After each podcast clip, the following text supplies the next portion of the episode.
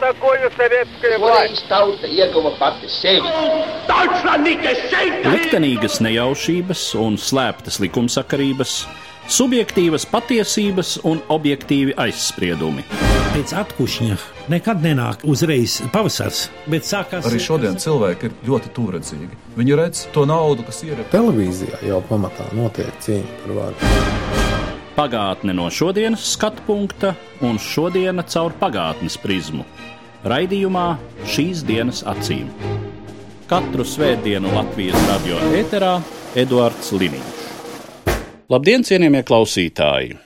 1944. gada 16. martā divas latviešu Waffen SS divīzijas cīnījās vienā frontes sektorā, kas arī ir kļuvis par pamatu zināmajam piemiņas datumam. Mans sarunas biedrs studijā Vēsturnieks. Valdis Kusmins. Labdien! Labdien! Šodien, kad mēs runājam par Latviešu leģionu, sevišķi jau, ja tas notiek laikā ap 16. martu, izskan vispretrunīgākie viedokļi. Un kā vienai tā otrai pusē ir kaut kādi fakti vai faktu drumslas, kuras lieto kā pamatojumu savam viedoklim. Tāpēc šodien es gribētu aplūkot visus tos latviešus, kuri tajā vai citā laikā un tādā vai citādā kvalitātē nonāca nacistiskās Vācijas dienestā Otrā pasaules kara laikā. Šajā gadījumā mēs runāsim nevis chronoloģiski, bet ievērojot mūsdienu kontekstu, tādā spektrā no tiem, par kuriem ir nepārprotams skaidrs, ka tie ir bijuši kara noziedznieki, līdz tiem, kuri ir nonākuši nacistu kalpībā, nepārprotami pret savu gribu. Un sāksim ar to drūmāko galu. Tie cilvēki, kurus mēs mēdzam saukt bieži vien par arāju vīriem, salīdzinoši neliels skaitliski pret visiem pārējiem kontingents, kurš darbojas aktīvi jau kopš pirmajām vācu iebrukuma dienām Latvijā, kopš 1941. gada jūnija beigām. Pirmkārt, jāsaka, ka tā saucamā arāja komanda, un līdzīgi mēs te runāsim tālāk, būs tieši tā pati problēma. Tas ir, kā šīs konkrētās vienības tiek sauktas. Un laika gaitā visām šīm vienībām nosaukumi mainījās un mainījās vairākas reizes. Gan tā sauktiem policijas bataljoniem, gan tā sauktajai arā komandai, gan visām pārējām vienībām. Bez maz vai visu laiku jāpiemiņ šīs tā sauktajām. Galvenais, par ko varētu runāt šajā gadījumā, ir tas, ka Viktora Arāja komandas organizēšana un līdzīgi citu komandu organizēšana. Teiksim, vēstures pētnieks Ezergailis, kurš ir sarakstījis, manuprāt, labāko monogrāfiju par holokaustu Latvijā, min vairākas. Vagulāna komanda Jelgavā, Tīdimaņa vienība, Valmierā un tā tālāk. Un tā tālāk. Visas šīs vienības tika organizētas drošības policijas un SD operatīvās grupas A un pakļautu operatīvo komandu vadībā. Tātad tā bija drošības policijas un SD organizēta, atbalstīta, un viņas darbība arī bija virzīta vācu represīvo sistēmu vadībā. Tas bija tas, kas šīs komandas vienoja jau no paša sākuma. Un paša Viktora Arāja, sauksim to par karjeru, drošības policijas pakļautībā sāks 1941. gada jau 1. jūlija dienās, kad viņš pats satiekās ar operatīvās grupas A vadītāju Štālekeru, un pēc tam mīklainos apstākļos turpinās viņa pakļautība. Sākot jau no 42. gada sākuma, kad vispār Vācijas policijas struktūra Latvijā tiek beidzot teiksim, stabilizēta un tiek izbūvēta vairāk līdzīga struktūrai, Viņi savu nosaukumu iegūs Latviešu drošības palīga policija. Formāli tās komandieris bija drošības policijas komandieris Latvijā Lange, un visas šīs dažādas komandas, kas pēc tam veidojās, bija pakļauts arī Langiem. Pieminētā operatīvā grupa A, kuras mērķis bija operatīvi iznīcināt Vācijai nevēlamos elementus okupētajās padomju teritorijās. Tieši tā. Protams, uzreiz jāsaka, jā, arāja komandā nevienu ar varu nevilka. Cilvēki nonāca vairāk vai mazāk savas vēlmes un savu raksturu īpašību un noslēdzu dēļ. Nu, principā, jā, Viktors Arājs tika tiesāts 70. gadu beigās Hamburgā, viņam tika piespriests mūža ieslodzījums. Tad ir diezgan nu, salīdzinoši daudz materiālu no šiem tiesas procesiem, kā šī komanda tika dibināta, kas tur šajā komandā iestājās, kāda bija viņa loma biķernieku masu slepkavībās, kāda bija loma rumbulas masu slepkavībās. Vairāk vai mazāk improvizētā vienība veidojās un nenoliedzami, ka līdz 1941. gada beigām vienība formējās brīvprātības ceļā.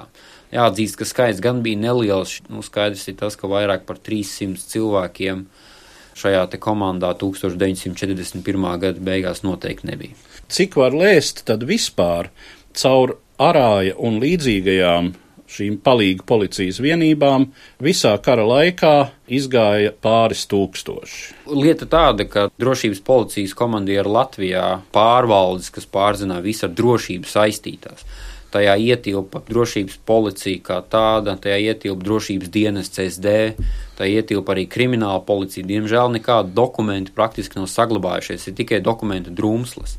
Langam bija pakļauta arī tā sauktā latviešu kartotēka, kas nodarbojās ar aģentūras informācijas vākšanu. Šajā kartotēkā, gan arī tā sauktajā latviešu politiskajā policijā, ko vadīja tāds Tīdemans. Šeit tika ieskaitīti bijušie atsevišķi Latvijas politiskās policijas vadītāji vai darbinieki, teiksim, slavenākais no tiem bija Stiglits. Šajā drošības policijas struktūrā ietilpa arī krimināla policija, gan vācu virsnieku vadītā, gan arī latviešu virsnieku vadītā latviešu krimināla policija.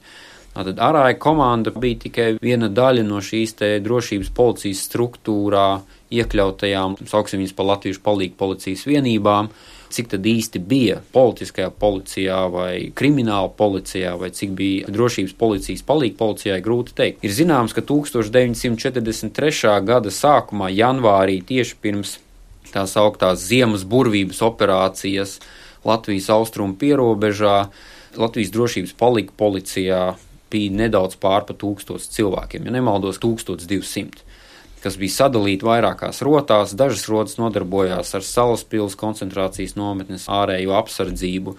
Bija atsevišķa rota, kas bija iesaistīta šajā operācijā pret Baltkrievijas partizāņiem un atradās Latvijas austrumu pierobežā un arī Baltkrievijā.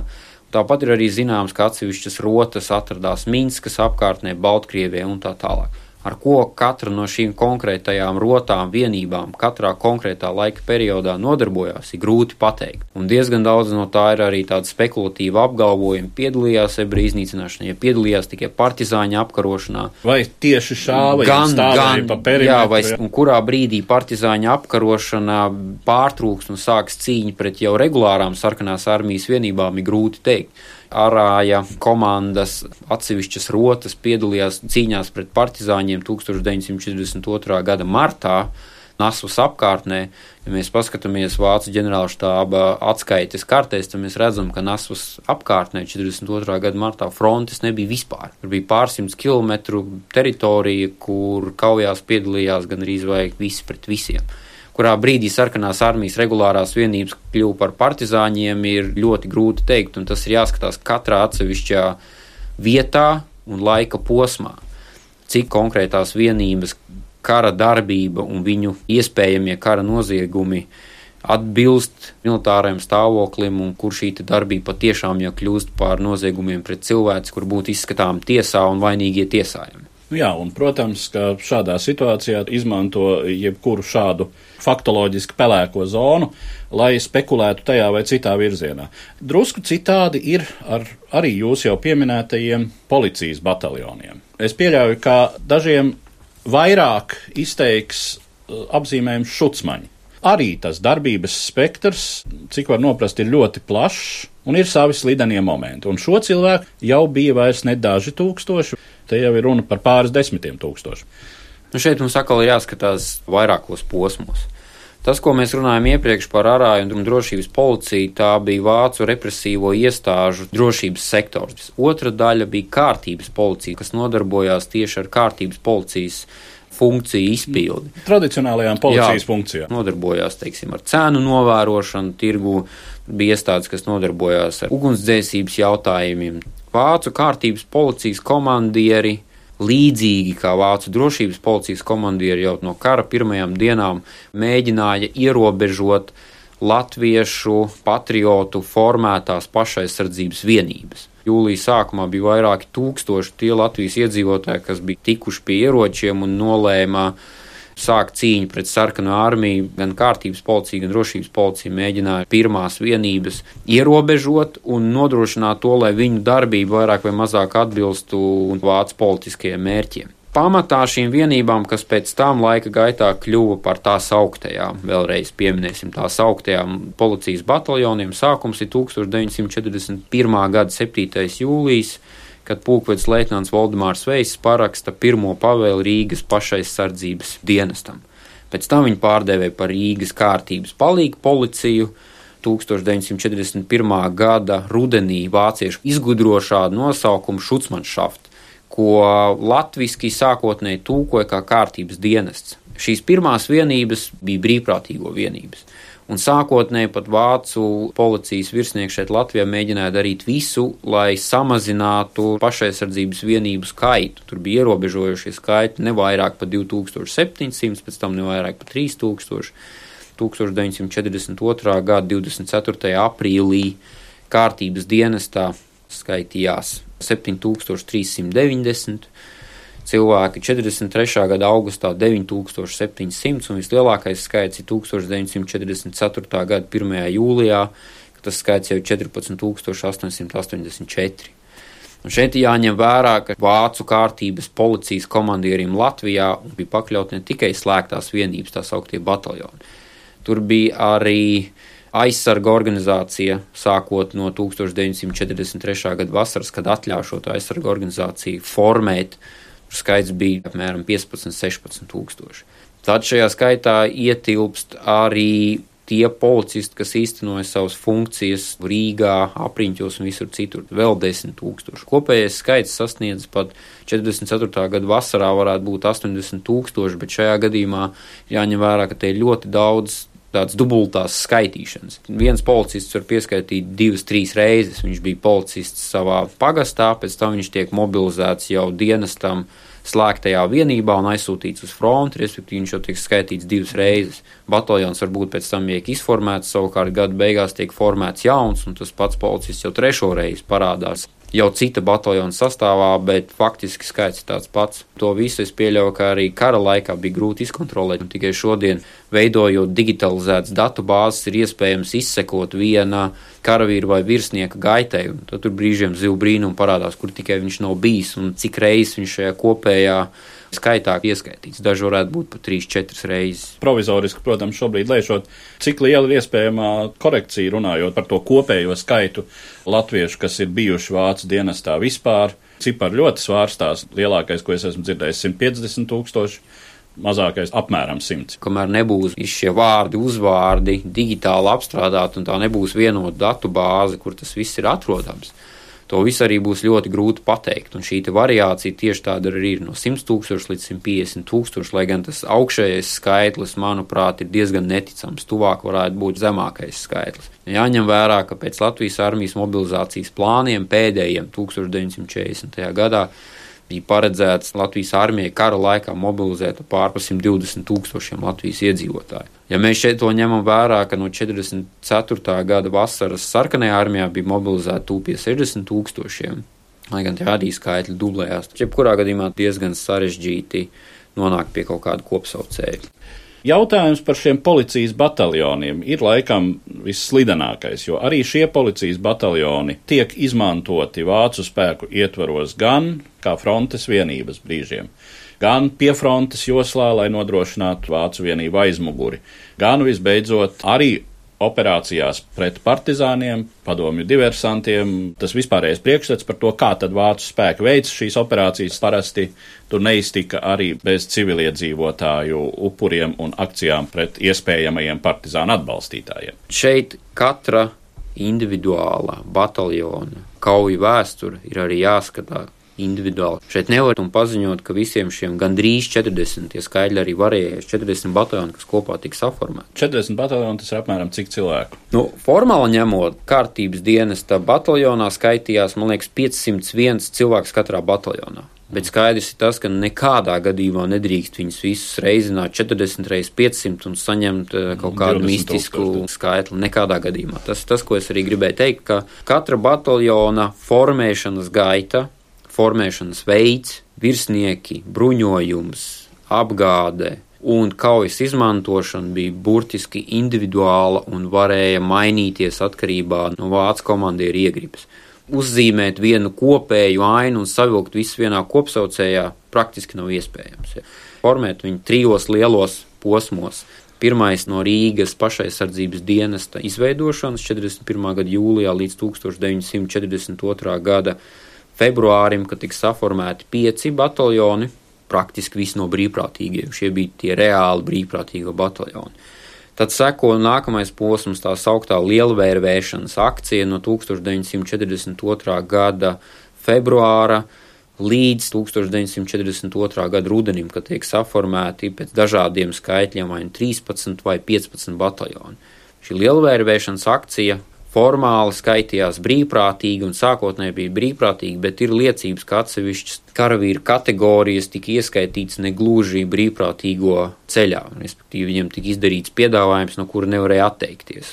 Un sākot no 1942. gada rudens, oktobris, novembris, praktiski par šiem bataljoniem vairs nevar runāt kā brīvprātīgajiem, jo viņiem tika paziņots, ka viņiem vairs nav tiesības izstāties no šiem bataljoniem, kā tas formāli skaitījās līdz šim.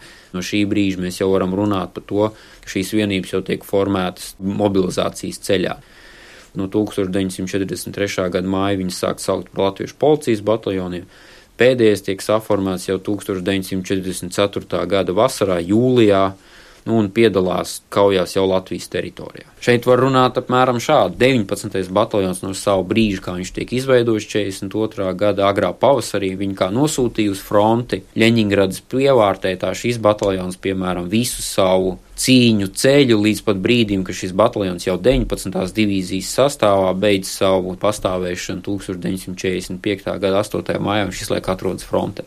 Savukārt, ja mēs gribam noskaidrot, ko darīt, ko nedarīt, tad burtiski jāņem priekšā liels saraksts un jāiet katram bataljonam cauri, kur bija, ko šāva, cik šī darbība bija atbilstoša tā laika kara vešanas noteikumiem un likumiem, bija kara noziegumi, nebija kara noziegumi. Bet, nu, principā ir jāsaka, ka kara noziegumi ir bijuši vienmēr un visos karos, viņi notiek arī tagad un notiks arī tālāk nākotnē. Jautājums, kā pret to cīnās un kā pret to mēģina vērsties. Un viennozīmīgi jāatzīst, ka arī slēgto vienību rindās bija cilvēki, kas veica kara noziegumus, un bija arī cilvēki, kuri par to tika tiesāti jau 42. gadā, 43. gadā, un noziegumu pakāpe bija dažāda, sodi bija dažādi. Latviešu aizsardzības vienību štābs kas kontrolē šo vienību izmantošanu, vienmēr uzsvēra savās pavēlēs par disciplīnas saglabāšanu un diezgan tādu striktu vēršanos pret tiem, kas disciplīnu neievēro. Nu, un vēl droši vien dar piebilst par cilvēku motivāciju, nu kāpēc tad viņi tur nonāca, kā tas ir visos karos neizbēgami.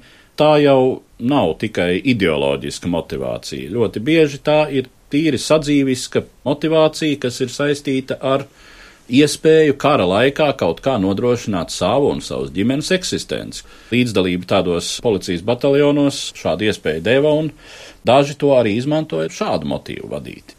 Ja mēs runājam par šiem Latvijas policijas spēkiem un to attiecībām ar Latviešu brīvprātīgo leģionu, kas sāk veidoties 43. gada pirmajā pusē, cik no šīm vienībām vēlāk nonāca leģionā? Leģionā gala rezultātā nonāca visas vienības, kas saglabājās līdz kara beigām. Jautājums ir, kādā statusā un kurā brīdī. Tad, kad jau 1944. gada beigās praktiski tiek likvidēta latviešu pašpārvalde šeit Latvijas teritorijā, jau latviešu policijas vienības vienā vai otrā formā tiek ieskaitīts ieročis sastāvā un pakļauts latviešu leģionam. Un pirmā kārtā un otrā kārtā no 1943. gada māja ir slavenā Jekelna pavēle, kurā viņš paziņo, ka nav tādas lietas kā latviešu liesais brīvprātīgo leģions un ka leģionā ir jāuzskata Tātad divas divīzijas, 15. un 19. Tajā laikā vēl 19. saucās otrā brigāde, un arī visi latviešu policijas bataljoni. Formāli šie policijas bataljoni skaitījās latviešu leģiona sastāvdaļa. Lai gan praktiski šeit varētu teikt, ka bija būtiska atšķirība starp dienestu ieroči SS vienībās, šajā gadījumā divās latviešu divīzijās un dienas latviešu policijas bataljonos, sākot ar apģērbu, ekipējumu. Šajā gadījumā mums būtu drīzāk jārunā, cik ļoti ir saistīta latviešu aizsardzības vienību un latviešu policijas bataljonu iesaistīšana tieši abās divīzijās, 15. un 19. divīzijā. Un šeit jāatzīst, ka tā bija diezgan būtiska. Pirmkārt, jau otrā brigāde, kuru sāk formēt 43. gada janvāra beigās, jau pirms oficiālās Hitlera pavēles par Latvijas leģionu dibināšanu, tātad šo brigādi saformēja no sešiem aizsardzības bataljoniem un pēc tam jau 43. gada vasarā vismaz divi aizsardzības vienības bataljoni tika ieskaitīti 15. divīzijā vai pārformēti vai kā savādāk. Un pēc tam jau, ja mēs skatāmies tālāk, tātad 1944. gada vasarā jau ir policijas bataljoni, kur tiek ieskaitīti leģiona divīzijās, vai viņi tiek izformēti un virsnieki tiek ieskaitīti. To precīzi skaiti diezgan grūti noteikt, cik liela šī saistība starp policijas bataljoniem un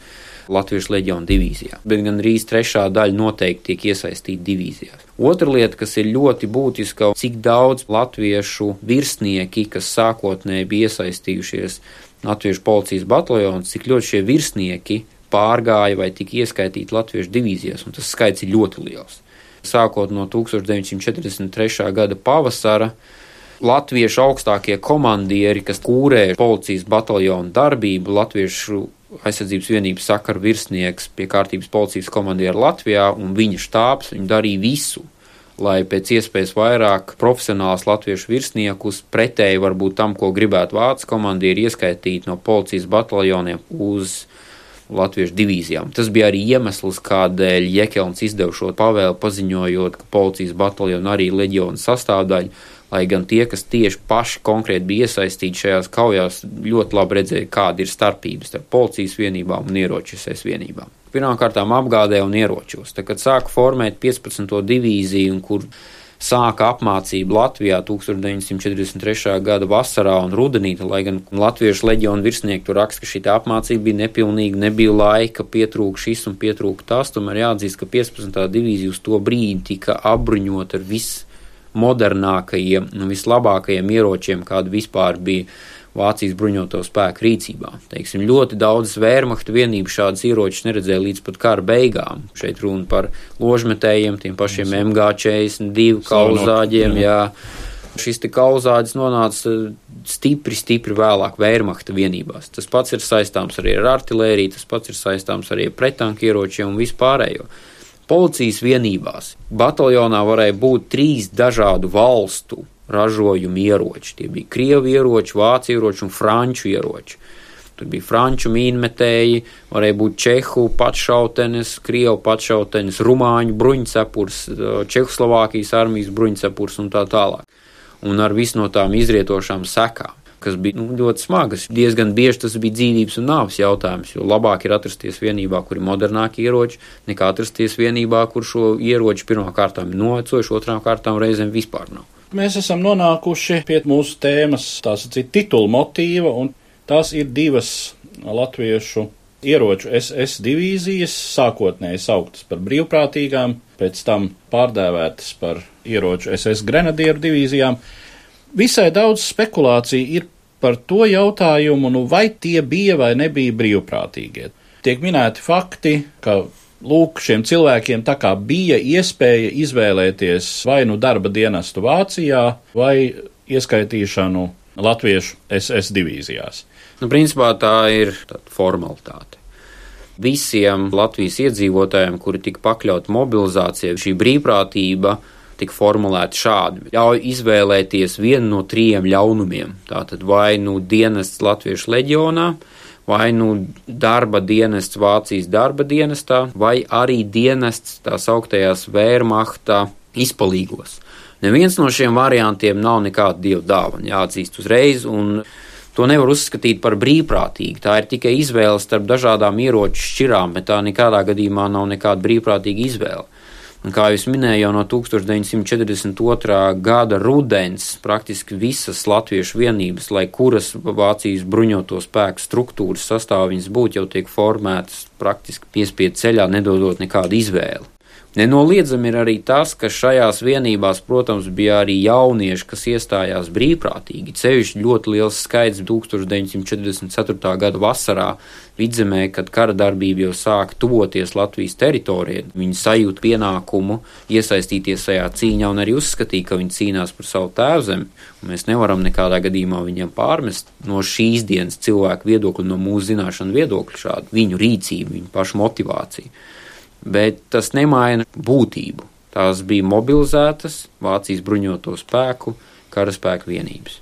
Un šeit gan es vēl gribētu uzsvērt vēl vienu tādu niansi, ka, manuprāt, tas, kas attiecās uz Latvijas leģionu virsniekiem, ne tikai divīzijās, ir diezgan sarežģīti mobilizēt virsnieku profesionāli pret savu gribu un cerēt, ka šis virsnieks īstenos savus pienākumus tikpat labi kā tas, kurš iestājas brīvprātīgi. Var mobilizēt kareivi, kuram uzdevums ir tikai šaut un lādēt, bet šajā gadījumā virsnieka pienākumu frontē ir daudz atbildīgāk un daudz sarežģītāk.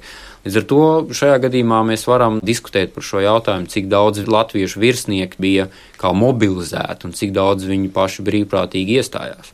Jāuzsver tas, ka vāciešiem nebija vajadzīgi leģiona virsnieki. Viņiem bija vajadzīgi kareivi. Virsnieki viņiem pašiem pietika. Ja mēs skatāmies uz rietumu Eiropā formētājiem, brīvprātīgo leģioniem, vai nu tā ir Nordlanda, Nederlanda, Valonija vai kādas citas divīzijas, tad šeit ierindnieki un instruktori lielākoties vietējie. Virsnieki lielākā daļa bija vācieši. Tajā pašā Nordlanda divīzijā visi rotu komandieri praktiski bija vācieši. Vāciešiem bija vajadzīgs lielgabalu gaļa tas, ka latviešu virsnieki cīnījās par to, lai viņi varētu paši komandēt latviešu kareivjus un instruktorus, bija drīzāk nevis tāds pastiprināts kolaborācijas veids, bet gan drīzāk kā pretestība vāciešu vēlmei izmantot šo latviešu karavīru dzīvības. Protams, latviešu virsnieks pret latviešu karavīru neizturēsies kā pret lielgabalu gaļu lielākoties tāds uzskats pastāvēja. Un tas bija arī viens no iemesliem, kādēļ ļoti daudzi jaunie saucamie, kad viņiem deva izvēli, kur iestāties Latviešu leģionā, doties uz vērmaktu vienībām vai šajā darba dienestā, protams, izvēlējās Latviešu leģionu. Jāuzsver vēl viena kāda nianses, ka nereti latviešu virsnieki, kas tika ieskaitīti ļoti lielā skaitā latviešu leģionu dažādās vienībās, nebija ne profesionāli, ne arī cilvēciski atbilstoši šim ieņemamajam amatam. Protams, šie latviešu virsnieki neko ļaunu nevēlēja un darīja visu, lai taupītu karavīru dzīvības, bet nereti tas viņiem neizdevās. Un to savā sarakstā kara laikā atzīst arī paši latviešu leģionu virsnieki.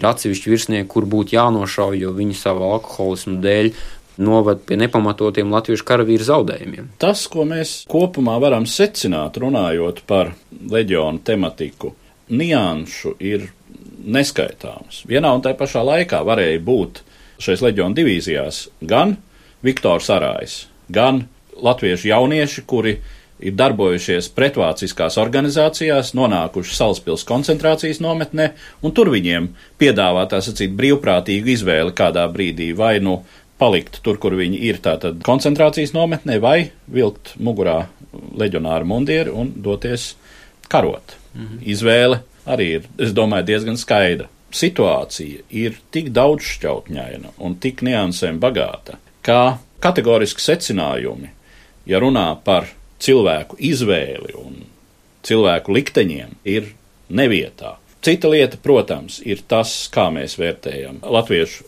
SS leģionu attieksmē pret Latvijas valstiskumu, pret latviešu tautas interesēm. Tur mēs varam izdarīt arī kaut kādus vispārinošus secinājumus attieksmē pret leģionu kā principu, kā ideju, kā organizāciju, bet ne tā kategoriski spriest attieksmē pret šiem Jā. cilvēkiem. Kā, Tieši kā tā, jo kopumu. šie cilvēki, kas cīnījās, viņi atradās frontē un bija gatavi ziedot savu dzīvību vai savu veselību par tām idejām, kuras varbūt bija pilnīgi neīstenojamas un nekad netiktu realizētas. Ideja par brīvu Latviju, un mēs šodien zinām, ka nekāda brīva Latvija nevarētu būt. Šie cilvēki tam ticēja, lai cik tas būtu nereāli. Mums nekas cits neatliek kā respektēt viņu ticību. Mums nav nekāda tiesība paziņot, ka tās visas bija muļķības. Ar tādu secinājumu tad es gribu noslēgt manu sarunu un saku paldies vēsturniekam Valdim Kuzminam. Paldies! Paldies. Uzticēšanos. Katru svētdienu Latvijas radio viens par pagātni sarunājas Eduards Līniju.